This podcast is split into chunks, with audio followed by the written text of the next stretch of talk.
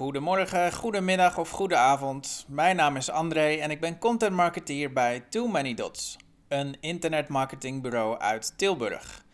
Specialist in het bedenken, ontwerpen en bouwen van converterende websites. Regelmatig lees ik een blogpost voor. Nu lees ik het artikel voor met de titel Hoe een WordPress-site met lage latency jouw geld oplevert. Daar gaan we.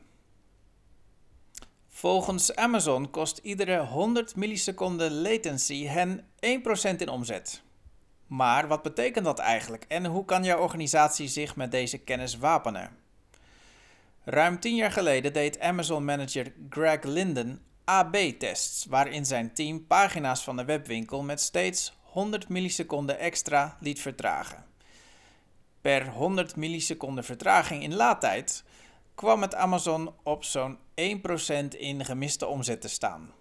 En dat is bij een jaaromzet van destijds zo'n 20 miljard dollar een flink bedrag.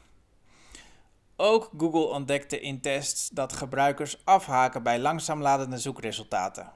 Per halve seconde vertraging raakte Google 20% van de gebruikers kwijt. Nu is latency niet hetzelfde als laadtijd, maar beide vormen van vertraging werken de hedendaagse internetgebruiker op de zenuwen. Een bezoeker wil snel en volledig over de gewenste informatie beschikken. Of bezoekers nou offertes aanvragen of online aankopen bij je doen, direct of indirect profiteer je van de snelst mogelijke website. Jouw webhost speelt daar een cruciale rol in. Wat is latency?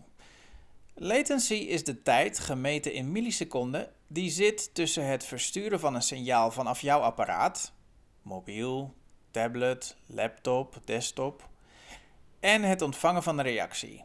Met andere woorden, latency is de vertraging in de dataoverdracht. Stel je voor dat je in je browser een Google Doc hebt geopend en een letter intypt. De tijd die zit tussen het aanslaan van de toets en het op het scherm verschijnen van het karakter is de latency.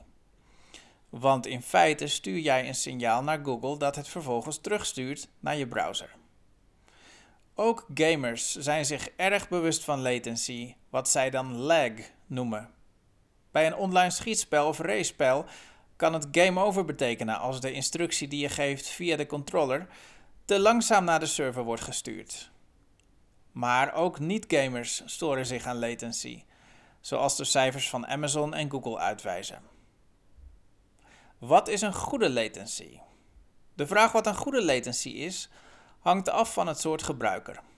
Een programmeur zal het liefst onder de 20 milliseconden blijven, terwijl voor een gamer een latency tot 50 milliseconden acceptabel is.